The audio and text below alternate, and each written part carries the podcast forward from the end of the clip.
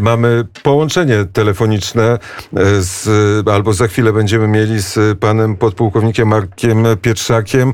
E, Wojska Ochrony Terytorialnej. E, dzień dobry panie podpułkowniku, czy panie pułkowniku. E, tak, pułkowniku. Dzień dobry, witam serdecznie pana redaktora, witam serdecznie państwa. Mamy nadzwyczajną sytuację na granicy od wielu miesięcy, ale teraz ta nadzwyczajność zmieniła się w alarm. Jak Wojska Ochrony Terytorialnej na ten alarm reagują? E, czy, czy jest jakaś dodatkowa mobilizacja? E, no tak, no sytuacja jest wyjątkowa, natomiast nie chciałbym, żebyśmy ją tutaj jeszcze e, podnosili na taki jakiś emocjonalny poziom i, e, i mocno tym epatowali. My jako służby, Straż Graniczna, Wojsko Polskie robią swoje. Jednym z elementów tych działań jest podniesienie gotowości, podwyższenie statusu gotowości naszych sił właśnie z Podlasia, z Lubelszczyzny, z Warmii, z Mazur do takiej gotowości sześciogodzinnej godzinnej. Y, oczywiście na granicy też są, y, w tej chwili to nie tak, że na granicy nie ma Wojsk Obrony Terytorialnej, są tam wspólnie z wojskami operacyjnymi, ze Strażą Graniczną, tak jak do tej pory, natomiast ten wysiłek y, w zakresie uszczelnienia granicy no, zostaje przeniesiony w rejon Kuźnicy. My znakomicie mamy wgląd w to, co dzieje się bezpośrednio po stronie, po stronie białoruskiej. Widzimy, widzimy te setki, a może nawet i tysiące ludzi, które zgromadziły się przy naszej e, granicy. One były eskortowane przez e, służby, przez przedstawicieli mundurowych służb białoruskich z psami. To nawet było widać. Na, także można powiedzieć, że jest to działanie, które jest pod ścisłą kontrolą służb białoruskich. W tej chwili te osoby są w rejonie w rejonie, w rejonie Kuźnicy na, po drugiej stronie granicy i tam też my przesuwamy nasze siły E, tak aby wspólnie ze Strażą Graniczną i wspólnie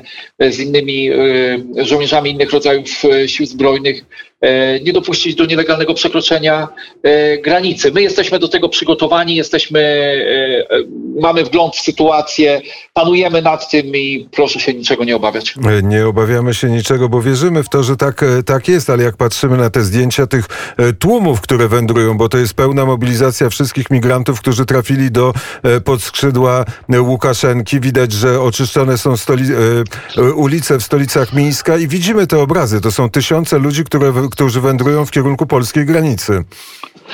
No tak, dokładnie tak to wygląda.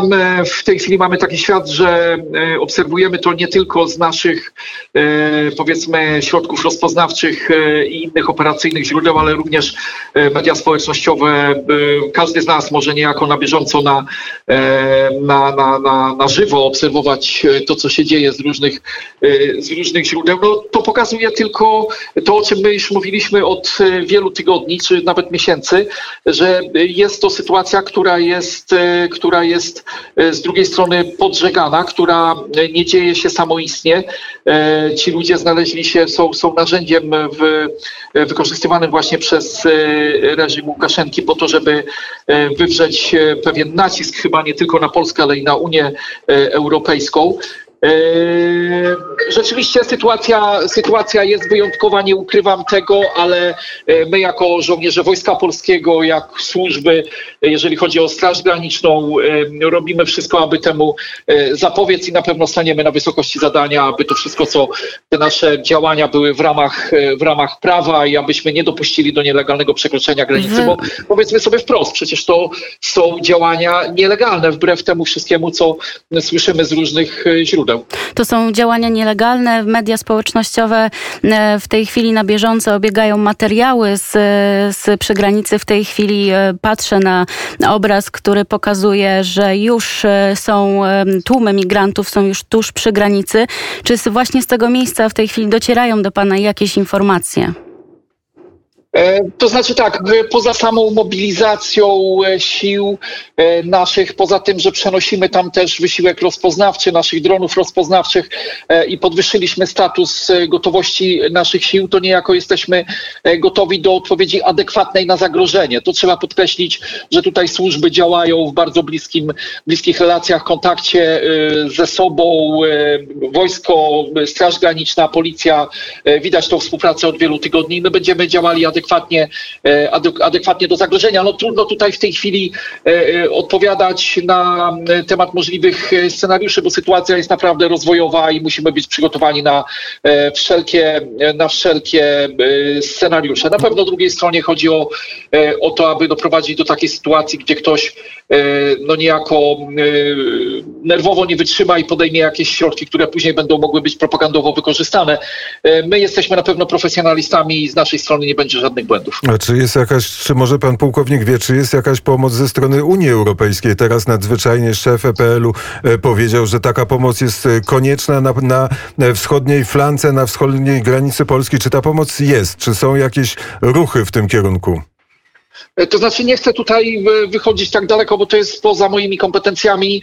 E, Ja skupiam się na tych działaniach naszych stricte na wsparciu Straży Granicznej, na wsparciu społeczności lokalnych, które też przecież na pewno czują pewne zagrożenie tam w tamtym, w tamtym rejonie przy takim naporze tylu tysięcy migrantów, więc nie, nie chciałbym tutaj wychodzić To poza nie, swoje nie kompetencje. i spekulujmy, ale wygląda na to i to można z tego się domyślić, że Łukaszenko powiedział idźcie stąd, tak? Czyli powie idźcie na granicę, nie macie odwrotu tak na dobrą sprawę, więc będziemy mogli, może mieli do czynienia z długotrwałym kryzysem jeszcze większym na polskie, polsko-białoruskie granicy.